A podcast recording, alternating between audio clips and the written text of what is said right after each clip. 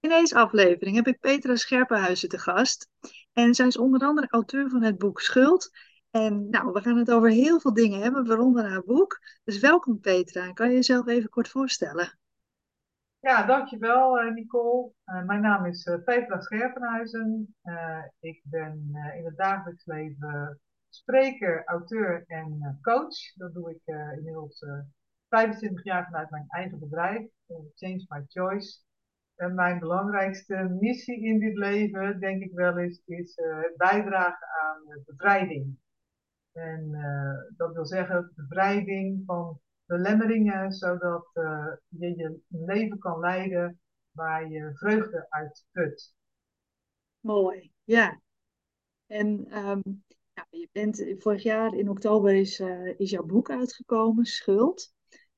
Nou, ik weet uh, uit ervaring dat een boek, hè, dat, dat staat er niet opeens. Hè? Dat, is best wel een, proces aan vooraf gegaan. Kan je daar iets meer over vertellen? Hoe ben je ertoe gekomen om een boek te schrijven? Um, ja, als kind wilde ik al schrijfster worden. Laat ik dat opstellen. Dus ik schrijf mijn hele leven al.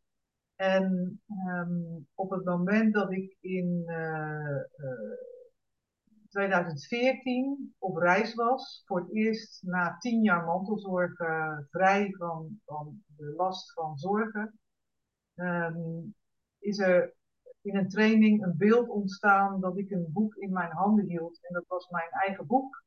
Ik had in die tien jaar uh, dat ik mantelzorger was, zoveel bijzondere dingen meegemaakt. Ook heftige dingen, maar ook bijzondere dingen. Dat ja, dit verhaal, dat wilde ik zo graag vertellen. Ook om mensen te inspireren en een hart onder de riem te steken. En daar ben ik uh, in datzelfde jaar een schrijftraining voor, uh, heb ik daar, daarvoor gevolgd in juli dat jaar. en daar kwam ik met twee vragen zou ik een boek kunnen schrijven en heb ik enig talent? En ja, op allebei de vragen was het antwoord ja. Ik kon het nou geloven dat ik enig talent zou hebben, maar mijn schrijfcoach uh, Christine van der Bakker, die bleef mij aanmoedigen en zei, jij moet echt door en dit verhaal moet de wereld in. En dat was de, de aanzet tot uh, een aantal jaren schrijven, want ik heb er best wel een tijdje over gedaan. En nog vele schrijftrainingen gevolgd. En onder begeleiding heb ik uh, mijn boek geschreven. En dat is vorig jaar oktober is het uitgekomen. Mooi, ja. En de, uh, het is een, een roman, hè, maar het gaat eigenlijk over jouw eigen persoonlijke ervaringen. Ik heb mijn eigen persoonlijke ervaringen daarin verwerkt. Die vormden de basis. Maar ja, goed. Um, om het een roman te maken, uh, zit daar wel een verhaallijn achter, een plotlijn achter. Er zijn personages in het boek die weliswaar gebaseerd zijn op echte personen. Maar daar zit ook een hoop uh, uh, fantasie bij om ervoor te zorgen dat het ook een page-turner is. En dat heb ik allemaal geleerd in de schrijftrainingen. Hoe maak je een boek spannend? Hoe, hoe hou je de lezer geboeid? Ehm, en wat is de reis van de hoofdpersoon? Want dat is eigenlijk mijn reis geweest. En mijn reis heeft heel erg te maken met wat er gebeurt wanneer je plotseling uh, tot mantelzorger gebombardeerd wordt en naast je werk, of in mijn geval mijn eigen zaak, en een druk sociaal leven, zorgtaken erbij krijgt. En ja, wat gebeurt er dan allemaal? Ja, want je bent zelf mantelzorger geweest voor, voor je ouders? Ja, uh, weliswaar was uh, uh, mijn moeder in een verpleeghuis en mijn vader later ook. Later ook. Wat er gebeurde was op 31 augustus 2003 kreeg mijn vader een hartinfarct. En op dat moment, mijn moeder was al vier jaar dement. En ging ook al een paar dagen per week naar de dagbehandeling. En ja, ik werd gebeld zondagochtend vroeg of dat ik kon komen. Mijn vader belde mij dat hij ziek was en niet voor mijn moeder kon zorgen die dag. En of dat ik haar naar de dagbehandeling wilde brengen. Of dat ik dat kon regelen. Ja, lang verhaal kort. Het bleek dat hij een infarct had. ik ben naartoe gereden. De huisarts is gekomen. Ambulance is gebeld. Dus mijn vader werd met vierende sirenes en zwaailichten naar het ziekenhuis gebracht. En mijn moeder kon niet meer alleen zijn. En ja, mijn broer was met vakantie toen, mijn partner die was een trainingsweek weg en er kwamen heel veel dingen op me af. En ehm, gelukkig uh, kon mijn moeder terecht bij uh, waar ze de, in de dagbehandeling zat. Mensen hebben me geweldig geholpen. Echt, uh, ja, daar kan ik nog emotioneel van worden. En ja, toen moesten er opeens allerlei beslissingen genomen, genomen worden. En de dag, diezelfde dag zat ik bij mijn vader op de intensive care, die aan het vechten was voor zijn leven. En de andere dag uh, ja, hebben we ons, uh, hebben mijn moeder naar het verpleeghuis gebracht. En uh, ja, dat was verschrikkelijk.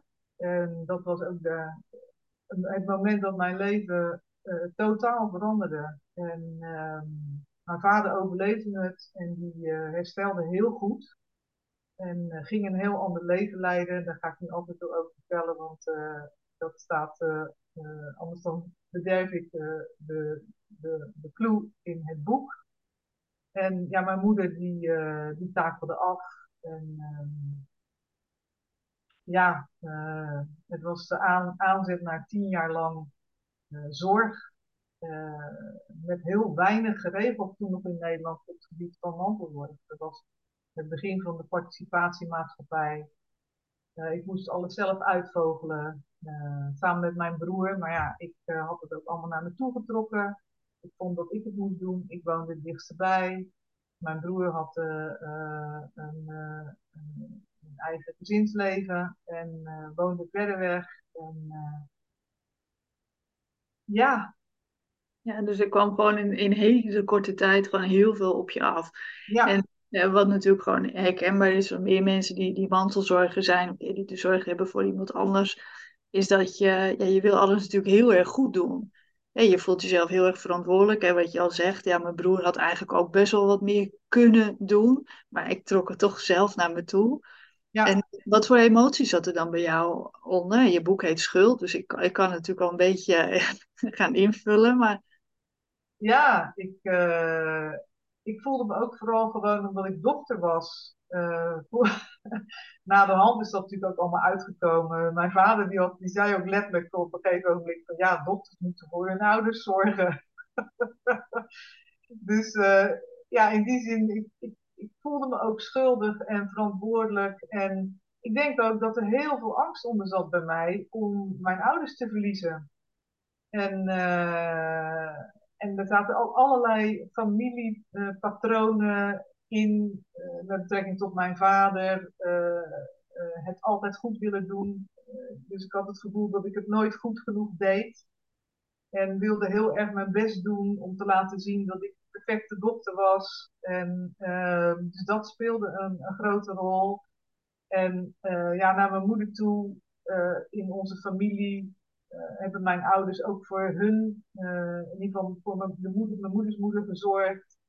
En ja, een soort, werd soort verscheurd ook uh, door um, schuldgevoel. Zo van, ja, hoe kan ik in hemelsnaam mijn moeder naar een verpleeghuis brengen? Weet je, moet ik haar niet gewoon in huis nemen? En ja, dat, dat zat er wel onder. En uh, daar voelde ik me heel verantwoordelijk voor. En uh, ja. Ja, en ging dat eigenlijk langere tijd goed? Of kreeg je daar toch ja, wat lichamelijke, mentale klachten van. Hè? Want vaak op het moment dat je eh, zo in zo'n situatie komt, gaan we op standje overleven en dan lukt het allemaal nog wel. Maar als zo'n periode bij jou zoals tien jaar uh, duurt en je cijfert jezelf daardoor helemaal, ja, misschien niet helemaal, maar voor een groot deel weg. Ja, wat, wat gebeurde er met jou? Ik, uh, ik, ik denk dat ik na, ik denk een half jaar of zo, ruim een half jaar daarna kreeg een burn-out. Ja, komt niet meer aan. Ehm, en dat had al te maken met ook familiegeheimen die ik ontdekte. Uh, waardoor bleek dat de relatie van mijn ouders heel anders in elkaar zat dan dat ik altijd had gedacht. Ehm, mijn ouderlijk huis was weg. Want ja, mijn moeder was er niet meer en zij was toch wel de verbindende schakel in onze familie. Mijn relatie liep stuk. ik was zo overbemoeid door alle stress en uh, ook alle grenzen die ik overging en de emoties die erbij kwamen kijken. Uh, achteraf denk ik ook wel eens, ja, ik zat echt wel in de rouw ook. dat ik, uh, ja, ik kon in 2004, in mei of juni, heb ik toen stekker uit mijn zaak getrokken. Het ging gewoon niet meer. En gelukkig had ik een goede arbeidsongeschiktheidsverzekering, godzijdank. Maar ja, het ging gewoon niet meer. En het heeft een jaar geduurd, klein jaar, voordat ik daar weer redelijk van hersteld was. En ondertussen gingen alle, alle gebeurtenissen gewoon door. Mijn vader die een heel ander leven, leven ging leiden. Mijn moeder nog wel bezocht, maar hij had echt wel zijn eigen leven opgebouwd. Ik had ook een hele andere vader die echt ja, nog nooit zo had meegemaakt uh, als daarvoor. En toen in 2008, nou, ik werkte gelukkig weer, ik heb de draad weer opgepakt. Uh, het heeft me ook veel gebracht in die zin dat ik moest na mijn burn-out ook hele duidelijke keuzes maken om ervoor te zorgen dat ik uh, niet meer helemaal uh, in de stress raakte en mijn grenzen overging. En uh, dus het maakte ook dat ik in mijn werk hele duidelijke keuzes ging maken. en dingen doen die ik alleen, alleen dingen doen die ik echt leuk vond om te doen. door wat ik zelf had meegemaakt, kon ik ook mensen helpen, beter helpen hiermee. Um, en toen, ja, in 2008 mocht ik in herhaling, want op het moment dat mijn moeder op sterven lag in 2008, kreeg mijn broer de diagnose non-Hodgkin uh. En mijn vader had op dat moment uh, bijna een dwarslesie door een beknelling in zijn rug. Mijn vader was al 88 of zo. En ja, ik, ik was de enige die nog overeind bleef. En ik, en ik had me ook voorgenomen, ik ga het niet meer zo doen zoals toen. Dat, dat, dat is klaar nu. En uh, ja, ik moest ook echt leren om om hulp te vragen. Dat was natuurlijk al eerder gebeurd, maar nu was dat helemaal aan de orde. En toen uh, uh, was ik ook vastbesloten om echt goede begeleiding te vragen. En kwam ik terecht bij een, een hele goede coach en trainer. heb ik heel veel steun aangehad en ook uh, dingen opgelost waardoor ik beter mijn grenzen aan kon houden. En mijn broer, die, mijn broer die is een jaar uh, ziek geweest en gelukkig heeft het allemaal overleefd. En ja, ik kon ook uh, dingen overgeven aan hem, want dat was eigenlijk het grootste probleem. ik gaf het gewoon niet uit handen. En door alles wat ik leerde, kon ik het ook uit handen geven. En hadden we hele goede gesprekken daarover. En, dat, uh, dat leerde je van die therapeut of coach? Of heb je ook ja. hulp gezocht echt in het praktische deel? Of was het meer, ben je meer aan jezelf gaan werken? Om ja, dat laatste. Meer aan mezelf gaan werken. Ja, en uh, ik, ben, ik heb ongeveer tien jaar lang training gevolgd bij Robert McDonald en Henk de Vos. Um, en met die methodieken uh, leerde ik ook op onbewust niveau allerlei blokkades op te lossen die te maken hadden met belemmerende overtuigingen. Er zat een heel stuk rouwverwerking in en traumaverwerking. Uh, en ja, ik heb daar heel erg veel geleerd. Uh, en ook in mijn eigen ontwikkeling in mijn beroep hielp me dat enorm. En um, ja, had nog wel problemen met mijn vader. Dat was wel echt een grote uitdaging. Want die uh, had nog wel eens de gewoonte om uh, voortdurend een beroep op mij te doen. En dan kreeg ik allerlei paniek-sms'jes. Hij had last van hyperventilatie trouwens, by the way. En uh, mijn broer kreeg dan de leuke sms'jes. En mijn vader stuurde mij dan op een gewone werkdag, als ik met cliënten bezig was. Petra, het gaat slecht met mij. Kussen pa. Oh ja. Waardoor ik dan zoiets van, oké, wat, wat is er aan de hand? En ja, op een gegeven moment vertelde ik dat dan ook aan mijn broer. En dan zei hij, nou, ik weet er helemaal niks van. En dan liet hij sms'jes zien en zegt hij, jeetje joh, ja, hij stuurt mij alleen maar hele grappige sms'jes. Dat gebeurt ook in heel veel families zo, hè? Dat, dat uh, op het moment dat er inderdaad een ouder is die hulp nodig heeft, maar dan ja, dan zijn ze zo gewend om aan het ene kind dan, dan de hulp te vragen en om bij de ander dan wel eens een beetje mooi weer te spelen. En dat kan ook tussen jou en je broer, uh, ja, kan dat dan ook een beetje gaan wrijven. Dat de ja. denken van, ja, wat zit je nou te zeuren? Het gaat toch hartstikke goed met hem? En jij denkt, ja. nou, waarom reageert hij nou niet? Want het gaat helemaal niet goed. Ja. ja, en mijn broer is ook rustiger van aard. Dus uh, dat is een hele grote steun voor mij. En zolang ik ook maar ervoor zorg dat ik mijn sores uh, deel. En, uh, en dan kunnen we elkaar ook ondersteunen. En dat is ook ja, uiteindelijk ook ja, mijn grote leerschool was om ook, uh, om ook zeg maar, uh, hulp te vragen en ook aan te geven. En zodat we het ook samen konden doen. En ook samen met mijn schoonzus en andere familie. Zodat het wat gemakkelijker werd allemaal. En ja, ik had zelf ehm, best wel wat op te lossen innerlijk in relatie tot mijn vader, die uh, een hele goede vader was. Maar ja, wel uh, enorm veel eisend en perfectionistisch ingesteld. Dus als kind uh, heb ik daar, bleek, onder te lijden gehad. En ehm, moest ik echt loskomen van bepaalde belemmerende denkpatronen. Ja, vaak hè, denken we op het moment dat we een, een trauma hebben uit onze jeugd, eh, van een van de ouders, dat het ook eigenlijk dan moet betekenen dat ze helemaal niet goed voor je waren. Hè? Of dat het slechte mensen waren. Maar dat hoeft helemaal niet zo te zijn. En want je ouders doen het heel vaak ook uit, vanuit hun ja, beste wil. En dan kan best wel zijn dat dat, dat, dat perfectionisme, ja, dat dat dan overgegeven wordt, waardoor jij er last van hebt. En dat betekent helemaal niet dat je niet van je vader houdt en dat je vader niet van jou houdt. Hè? Maar toch kan je daar last van hebben.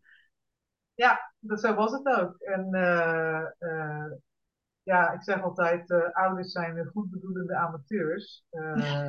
heb ik wel eens ergens gelezen. En ik, ik, weet ook zeker dat de beste intenties daar waren. Hè? Hij wilde alleen maar zorgen dat wij als kinderen goed in de wereld kwamen te staan. En een goede baan. En ja, konden studeren of leren.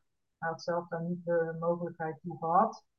En uh, dat was zijn motivatie. Uh, hard leren, hard werken en gaan voor het team. En uh, dus een acht was niet voldoende, dat soort zaken allemaal. En ja, dus in die zin is het ook helemaal prima zoals het is gegaan. En heb ik daar geen enkele ja, wrok of nare gevoelens over. Sterker nog, ik kan ook wel om lachen, hè, nu ook achteraf. Het heeft ook het schrijven van het boek wel enorm bij geholpen. Omdat ik ja, ook een personage had die gebaseerd was op mijn vader. En, uh, en het schrijven had zeker ook een therapeutische werking. Want in mij, toen ik het boek ging schrijven, dat begint met maken van een tijdlijn, een verhaallijn, een plotlijn. En er popten ook allerlei scènes op die ik had meegemaakt met mijn vader, die heel komisch waren. Bijvoorbeeld het moment dat ik uh, tegen mijn vader ging zeggen dat ik het zat was om zijn geklaag aan te horen. Wat vooral in de laatste jaren van zijn leven speelde. En dat ik dus assertief ging zijn, wat ik helemaal niet durfde. Maar ja, ik had wel een training gevolgd, assertiviteitstraining. Dus ik had mezelf helemaal voorbereid om dat te doen. En uh, ja, al mijn moed verzameld. En uh, vervolgens, volgens de, de, de, oefening die ik had gedaan, in gesprek met mijn vader van ja, als je iedere keer blijft klagen, dan merk ik dat ik daar heel verdrietig van word. En het resultaat is dat ik dan helemaal geen zin meer heb om bij jou op bezoek te komen. Met kloppend hart en klotsende oksels uh, kon ik dat eruit brengen. En, uh, en hij viel helemaal stil en hij zei, ja, ja, het is gewoon mijn machteloosheid. Het is gewoon mijn machteloosheid. En het, toen hadden we een heel goed gesprek over, uh, over ja, hoe hij, hoeveel moeite hij had om uh, te dealen met zijn lichamelijke aftakelingen. En nou, hij was toen al 90, denk ik, of zo. Ja, maar het is toch goed geweest, ook om het, wat je zegt, hoe je het hebt uh, gebracht. Hè? Ja, jouw gezeur zorgt ervoor dat ik verdrietig word, hè, waardoor je het eigenlijk dan, dan zegt wat het met jou doet. In plaats van, ja, hou op met dat stomme gezeur, ik kan er niet tegen. Maar ja. dat je het dan veel beter benoemt. En dat, uh, dan maakt het voor de, de andere partij ook vaak duidelijk van hé, hey, oh ja, het is geen, ja, het is natuurlijk een kritiek, maar ja, er zit wat meer achter. Ja. Ja. En dat zijn natuurlijk van die gesprekstechnieken die, die gewoon belangrijk zijn. En vaak zijn we dan in onze emoties, ah, nou eens op, dat gezeur, kan er niet ja. meteen, weet je. Maar ja. Ja, en vervolgens uh, zei ik, uh, ik ja, dus uh, ja, zei hij toen op een gegeven moment, ja, maar ja, ik moet mijn verhaal wel bij iemand kwijt. Ik denk, oh ja, daar gaan we weer. Ja. En dan, hè? En wat doe je dan? Dus het, ja, toen zei ik van, nou weet je, dan uh, spreken we af. Iedere keer als we elkaar zien, dan mag je vijf minuten klagen. En dan daarna kunnen we het over andere dingen hebben. Want wie weet uh, hoe lang we nog met elkaar hebben. En toen zei hij, dat is goed. En nou, het is denk ik drie weken goed gegaan. En, uh, en maar het feit dat ik zo duidelijk grenzen aangaf dat was voor mij eigenlijk de opluchting. Zo van oké, okay, uh, ik, ik, kan en mag gewoon mijn grenzen aangeven naar mijn vader toe. Ja. En ik mag gewoon zeggen, uh, ik kan niet voor jou zorgen, heb ik op een gegeven moment ook gezegd. Ik kan niet voor jou zorgen. Ik ga niet voor jou zorgen. Nou, dat was echt wel een groot ding om dat te zeggen. Dat was na zijn rugoperatie. En uh, hij had daar hele onrealistische verwachtingen. He, want met schuldgevoel speelt uh, het, de verwachtingen speelt altijd een, spelen een grote rol. En het is vooral ook de verwachtingen die je denkt, he, die, de verwachtingen die ik dacht dat er waren. En uh, om daarover in gesprek te gaan is wel heel belangrijk. Ja, bedoel je dan ook met wat je voor jezelf hebt ingevuld? Niet zozeer de verwachtingen van je vader, maar ook wat jij voor jezelf had ingevuld, wat hij misschien zou verwachten? Ja ja, dat, om daar duidelijkheid uh, in te krijgen. Maar mijn vader was wel heel duidelijk. Die zei gewoon van dokters moeten zorgen voor hun ouders. Dus dat was klaar. Hè? Hij had dus duidelijk wel een verwachting. Je broer hoefde dat niet van hem? Nee, nee, het ging echt om dokters. Nee. Ja. ja, nee, mannen hoeven dat niet. Nee. nee mannen werken waarschijnlijk en moeten voor het geld zorgen. Of ja, is dat reëel? Ja, ik snapte helemaal niks van. Want hij heeft vroeger uh, in zijn gezin voor zijn jongere broers en zusjes gezorgd. Heel veel. Oh, ja. ja. Het was echt een heel ouderwets uh, standpunt. En mijn vader was ook verder naar mijn moeder toe heel zorgzaam. Dus ik snapte er geen pepernoot van. Mijn vader was, uh, die, die stofzuigde, die, die lapte de ramen. Die, hè, dus heel, hij, hij, hij ervaarde zichzelf in ieder geval als heel erg geëmancipeerd. Ik had gewoon een kleine binnenplek hierop. Maar toch zit daar soms dan zo'n familiepatroon in, hè, wat, wat dan ja, meegegeven wordt. En soms ja, bewust, soms onbewust. Ja, ja, en achteraf, kijk, het schuldig voelen, als ik daar uh, ik heb daar zoveel onderzoek op gedaan zelf, uh, voor mezelf, maar ook nu ik uh, presentaties en lezingen aan het geven ben en masterclasses. ik denk als kind uh, dat ik heel goed heb aangevoeld dat mijn vader niet gelukkig was. Uh, niet gelukkig in de zin van. Uh, hij had heel veel meegemaakt in de oorlog. Hij zat gewoon een oorlogstrauma. In het laatste jaar van zijn leven heeft hij ook toegegeven van ja, ik geloof dat ik toch wel getraumatiseerd ben. Nou ja, goed. Ik had natuurlijk zijn hyperventilatieaanval hebben we meegemaakt ook. En ja, toen zijn we ook gaan praten over de stress die hij had. Waarschijnlijk veroorzaakt door trauma's van vroeger. En ja, ik, op een of andere manier als kind heb ik altijd onbewust bedacht dat ik hem gelukkig moest maken. Vraag niet hoe dat gaat, maar in, in de, het vinden van rollen als kind speelt, daarin, uh, speelt daar uh, een rol bij. Hè? Dus, um, en ja, dan ligt het schuldgevoel op de loer. Dat is wat ik vermoed. En ik, heb, ik heb ook hoogsensitiviteit, dus ik kon ook de energie voelen. En ja, Ja, je ziet ook veel eerder natuurlijk al die, die uh, als, als hoogsensitief persoon, en dan zie je ook veel eerder uh, dat soort signalen, en, korte frons, of een, ja, wat je dan interpreteert ja. als irritatie, of ja. weet je, dat, zien, dat zie je dan ook veel eerder, hè, waardoor ja. je het veel eerder oppikt en, en dus er dan ook wat mee wil doen. Ja, ja. Ja, en, en nu terugkijkend geloof ik ook dat dat, uh, dat, dat speelde. En, door, door alle trainingen die ik heb gevolgd, ook over uh, bijvoorbeeld uh, uh, de verschillende waarnemingsposities. Hè, dat is vanuit NLP dan een belangrijke gedachte. De eerste positie is, is de positie van jezelf. Dus in je lijf zitten, weten wat je wil, weten, wat je niet wil. Het dat ook aan kunnen geven. De tweede positie is inleven in de ander. De derde positie is een neutrale beschouwer dan leerde ik ook van, oh, ik zit eigenlijk altijd in de tweede positie. Ik ben altijd aan het inleven, ik ben altijd aan het voelen. En ik heb heel erg moeten leren uh, om in eerste positie te blijven. En want dat is de positie waarin je ook leert gezonde grenzen te stellen. En, uh, en dat ook te kunnen communiceren. En uh, ja, ik, dat, is, dat is ook waar mensen nu, ja, inmiddels zijn zoveel jaar verder, waar ik mensen ook bij begeleid dat ze ja, sterk, een sterke eerste positie creëren. Dus noemen we dat wel ik-kracht of autonomie of zelfstandigheid of onafhankelijkheid. Dat soort woorden komen er dan vaak naar voren.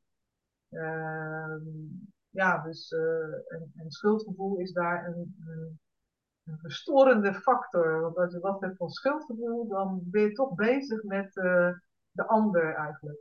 Ja. Even een paar stappen terug, ga ik eventjes. Je hebt het een paar keer heb je benoemd, hebben belemmerende overtuigingen. Kan jij aan iemand die, die nu luistert, die denkt, ja, maar wat bedoelden ze daarmee eigenlijk? voor mij is het duidelijk, voor jou is het duidelijk. Ja. dat is eh, niet voor iedereen zo. Wat, wat zijn dat? Kan je misschien ook eh, even uitleggen wat het is en misschien een voorbeeld geven hoe jij dat zelf. Uh... Het gemakkelijkste om uit te leggen is, uh, er zijn, uh, om te zeggen, oké, een overtuiging is iets wat je bent gaan geloven over jezelf op een bepaald moment in je leven, over, over jezelf, onder, invloed van een bepaalde omstandigheid of persoon. En er zijn drie overtuigingen die in de basis belemmerend zijn. Bijvoorbeeld, één daarvan is, ik, ben, niet, ik ben niet waardevol, dus ik ben waardeloos. En dat uitzicht vaak als ik ben niet goed genoeg, ik ben niet de moeite waard, ik mag er niet zijn. Uh, dat hoor je letterlijk mensen dan ook zeggen. En de tweede is, het is hopeloos, niemand kan het, ook ik niet. en de derde is, ik ben hulpeloos, iedereen kan het behalve ik. En die overtuigingen, heel concreet, in contact met mijn vader, die bijvoorbeeld inderdaad zei, als ik thuis kwam met een 8 in plaats van een 10 op mijn rapport, zei hij, waarom is die 8 geen 10? Terwijl ik mijn stinkende best had gedaan om die 8 te halen. En uh, ook met het doen van klusjes in huis was het niet gauw goed genoeg. Mijn vader wist het altijd beter. Hij wist het altijd perfect. En hij zei dan ook bijvoorbeeld tegen mijn broer: Laat mij, ik doe het zelf wel met klussen. En vervolgens kreeg mijn broer te horen dat hij twee rechterhanden had, of twee linkerhanden had. Twee linkerhanden had. Terwijl mijn broer nu hartstikke goed kan klussen. Maar ja, die had zoiets van, nou, doe het maar niet, want het is toch nooit goed genoeg voor pa. Dus doordat, door die criticus ben ik zelf ook op een bepaald moment gaan geloven. Ja, ik doe er niet toe. Ik ben niet goed genoeg. Het is niet goed genoeg. Ik moet me bewijzen.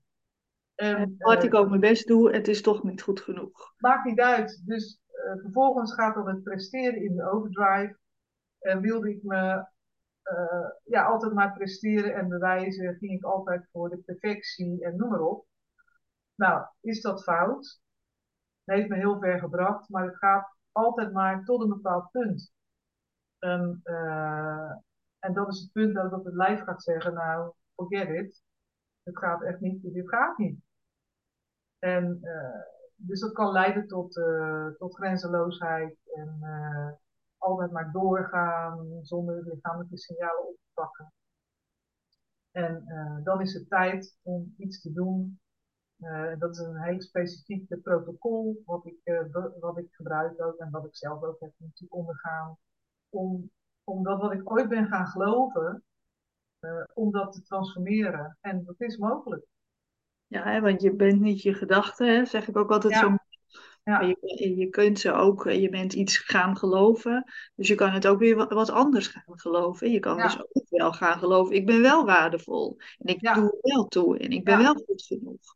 Hoe heb je dat gedaan? Ik zelf uh, door uh, een protocol te volgen, dat heet een herimprinten van een oude overtuiging, een delivery imprint. En ja, kort gezegd komt het erop neer dat in een toestand van uh, geconcentreerde aandacht, of trance, of hoe je het wil noemen, teruggaan, teruglopen over de tijdlijn naar het moment dat die overtuiging is ontstaan. En ja, voor mensen die niet bekend zijn met NLP gaat het misschien heel zweverig klinken. het gaat vooral om het contact herstellen met die jongere versie van jezelf. Die dat ooit is gaan geloven, die ooit die leugen is gaan geloven van ik ben niet goed genoeg. En het contact daarmee te herstellen door, uh, door in gesprek te gaan daarmee. Nou, het gaat te ver om al die stappen. Ik zou het zo uit kunnen leggen. Want ik, maar misschien in een andere aflevering een keer. Ik, ik train mensen daar ook in. Uh, ik weet wel dat op dat moment is er diep van binnen uh, iets veranderd in mij. En ja, dat was een heel wonderlijke ervaring. Ook al werk ik zelf met deze methode, uh, ja, was er echt een heel duidelijk besef van, ja, ik doe er wel toe en ik ben waardevol, ik ben helemaal goed zoals ik ben. En ik kon bijna niet geloven. Maar ik merkte het wel direct ook in mijn, in mijn normale leven, dat het veel gemakkelijker werd om voor mezelf te kiezen. En mezelf op de eerste plaats te zetten ook al was het maar voor een moment in, in de hele zorgperiode, ik leerde meer en meer om, uh, ja, om, om te voelen waar ik behoefte aan had en daar ook trouw aan te zijn. Ja, want dat is zo belangrijk, hè? Om gewoon veel meer te, ja, te durven voelen van wat heb ik nodig en uh, waar heb ik behoefte aan. En dat betekent, uh, neem ik aan, ook in jouw geval niet zo dat jij daardoor slechter voor je vader bent gaan zorgen. Maar je bent gewoon beter voor jezelf gaan zorgen. Waarschijnlijk heb je daardoor nog beter voor de ander kunnen zorgen. Ja. Want dat is het, hè? doordat wij zelf over onze grenzen gaan door iemand uh, anders belangrijker te maken. Ja, ga jij uit je eigen energie, raak jij uit balans, door je ook niet meer zo goed voor een ander kan zorgen. En door in je eigen kracht, en dat klinkt ook altijd weer zo, hè, maar door sterker te staan en goed voor jezelf te zorgen, kan je uiteindelijk ook veel beter voor die ander zorgen. je, wordt ook nog eens een veel leuke persoon, hè, je bent minder geïrriteerd. En, hè, ja, ja. Dus dat, speelt natuurlijk ook allemaal altijd uh, ja, een belangrijke rol. Heb, je, heb je tips, hè? behalve dan, we gaan, niet, we gaan nu meteen natuurlijk een NLP-traject uh, in. Maar gewoon wat praktische tips. Hoe kan je nou beter voor jezelf zorgen? Als jij ook in zo'n mantelzorgsituatie zit. Hè, je vindt het misschien lastig om te zeggen van... hé, hey, uh, ik, ik moet voor mezelf kiezen. hoe kan je er wel voor zorgen dat je wat beter voor jezelf gaat zorgen? Ja, daar zijn, uh, dat is een, een, een, een, vraag waar ik in ieder geval geen uh, plat antwoord op kan geven. Het begint denk ik allemaal met, bij bewustwording. dus de bewustwording is, soms is het zelfs zo, de bewustwording van, oh, ik ben een mantelzorger. Want er zijn mensen die hun zorgtaken zo normaal vinden, dat ze dat niet als mantelzorg betitelen, maar dat dat gewoon een natuurlijk gegeven is dat ze zorgen voor anderen. Er is ook niks mis mee met zorgen. En soms is het ook een heel geleidelijk proces geworden. Hè? Ja. Kijk, je ouders worden natuurlijk steeds een beetje ouder. En het kan zijn dat je steeds iets meer bent gaan doen ja. voor ze. Waardoor je ook niet meer bewust bent hoeveel tijd en energie het je eigenlijk is gaan kosten. Ja, ja, en uh, dus de bewustwording uh, die begint daar. Ik heb ook in lezingen gemerkt ook dat mensen zeiden, nee, ik ben geen mantelzorger, maar ik kom wel iedere dag bij mijn moeder. Oké, weet je, en zolang het allemaal kan en je leven blijft in balans en je hebt daar geen last van, dan is er natuurlijk helemaal niks aan de hand. Want ja, er is helemaal niks mis met, met, met mantelzorgen. Het gaat vooral om, oké, op het moment dat die balans verstoord is, dan gaat het over een, een onbalans tussen uh, draaglast en draagkracht. En om die draagkracht te vergroten, is het zaak dat je zaken doet op uh, sociaal gebied, fysiek gebied, emotioneel gebied. Uh, en uh, dat begint met bijvoorbeeld in kaart brengen ehm, wat zijn de energiebrengers en wat zijn de energievreters. Waar krijg ik energie van en wat kost mij energie? En op het moment dat mensen dat gaan doen, dan is dat ook weer een bewustwording. Oké, uh, als ze die lijstjes hebben gemaakt, ja, dan moeten ze iets met die energiebrengers en die energiebrevers. Hè, dit, uh, en, en dan is de vraag van, uh, ja, wat, wat is je volgende stap daarin? en hoe kun je dat aanpakken? En dan kan het zijn dat mensen door die bewustwording, door de dingen die ze in kaart gaan brengen, bijvoorbeeld ook de vraag die ik ooit kreeg van, ja, wat vond je broer echt leuk om te doen? Wat zou je weer, hè, waar haal je energie uit? Wat vond je nou echt heel leuk om te doen? En dat was behalve schrijven, was het ook dansen. Dus ik ben op dat moment ook weer gaan dansen. Ik heb een, uh, ingeschreven voor samba en tango dansen. En dat, dat bracht ook veel, dat bracht me ook in ieder in een andere modus. Um, en dus er, er zullen een heleboel dingen zijn die mensen bewust kunnen doen doordat ze te horen krijgen, ga een wandeling maken. Neem per dag 20 minuten voor jezelf, of een half uur voor jezelf. Uh, en er, zal, er zullen mensen zijn die zeggen, ja, ik weet dat ik dit moet doen, maar het lukt me niet. En ik weet dat ik die grens moet aangeven, maar het lukt me niet. En dan is het echt zaak om onbewuste belemmeringen op te lossen. En dat, dat zijn uh, vaak angsten, uh, gedachten, innerlijke criticus die heel streng is. Um, en dat, dat vereist wel professionele hulp, zeg maar, van een coach of een therapeut die, die daarbij kan begeleiden. Om het te doorbreken, hè? Die, die, patronen, ja. Ja. ja. ja. En dat is ook, hè, dat, dat is gewoon nodig. Ik, vaak wordt het vaak gezien als uh, normaal, hè, dat je dan nu voor je ouders moet zorgen. Bijvoorbeeld, we hebben het over ouders, kan ook om hun kind gaan, hè, dat je uh, een kind wat extra zorg nodig heeft. Of, hè, dat is natuurlijk veel breder dan alleen de ouder. Um, uh, maar dat, dan ben ik even mijn punt kwijt. Dat ik zat te denken, ja, we hebben het de hele tijd over ouders. Maar het kan natuurlijk ook zo zijn dat je een mantelzorg bent voor, voor een heel andere persoon in jouw leven. En het is gewoon belangrijk om dus die patronen te gaan herkennen. Van hé, hey, maar waarom ja, vind ik het zo belangrijk dat een ander dat, ja, dat het zo goed met hun gaat? En waarom cijfer ik mezelf daarin gewoon helemaal weg? Ja. Dus, um, ja.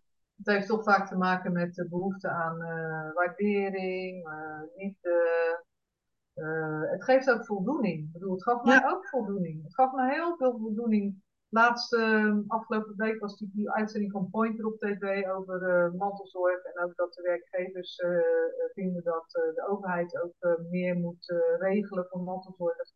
En, iemand zei ook van, ja, het mooie aan mantelzorg is de liefde. En het vervelende of het lastige aan mantelzorg is ook de liefde. En, ja. ja, zo is het ook. Ja, ook het, het, gevoel nodig te zijn is ook een heel fijn en een goed gevoel. Ja. Maar ja, als het aan die andere kant van die weegschaal doorslaat, ja, is dat dus weer een, een, belasting. En zo is het natuurlijk gewoon heel, uh, ja, je gaat gewoon daardoor heel snel over die grens heen.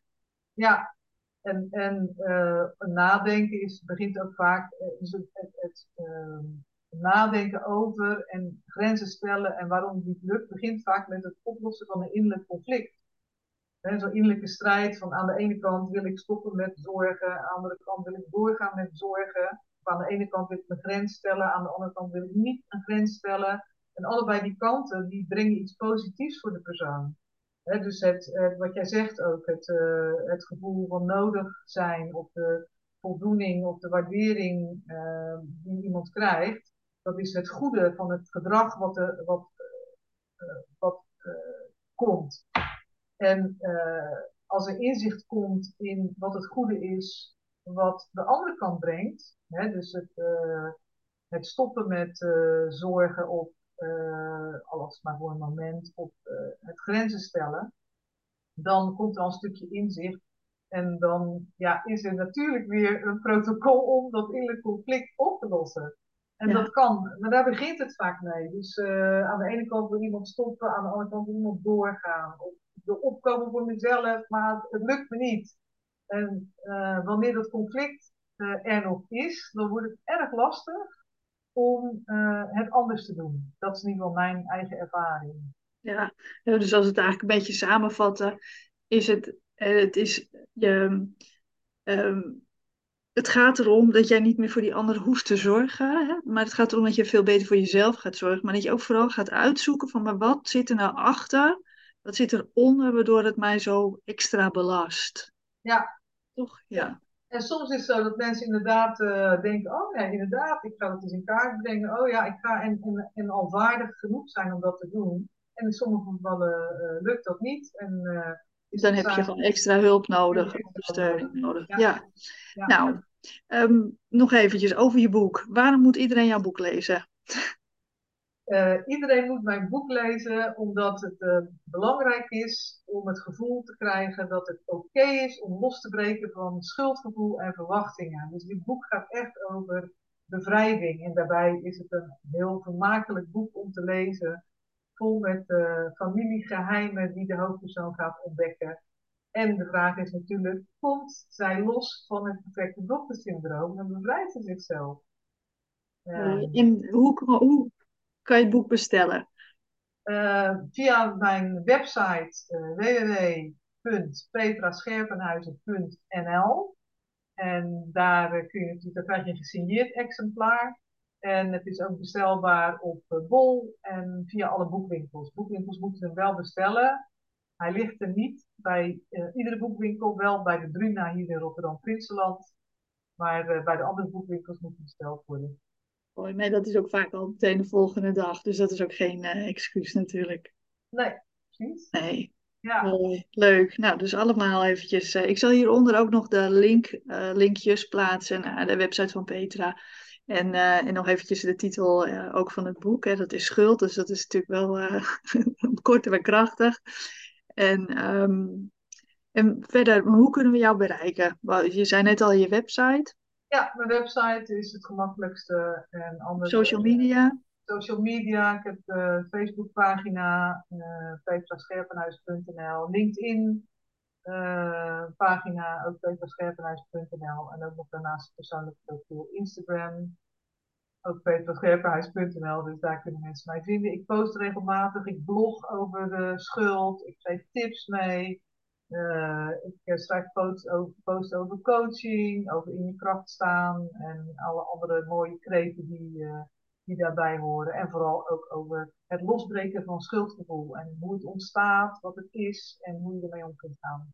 Ja, oftewel niet alleen boek lezen, maar ook beter gaan volgen. Ja, dat zou heel mooi zijn. Ja, nou. ik heb nog lezingen in de Week van de Mantelzorg. Drie lezingen. Is allemaal te vinden op, uh, op mijn social media.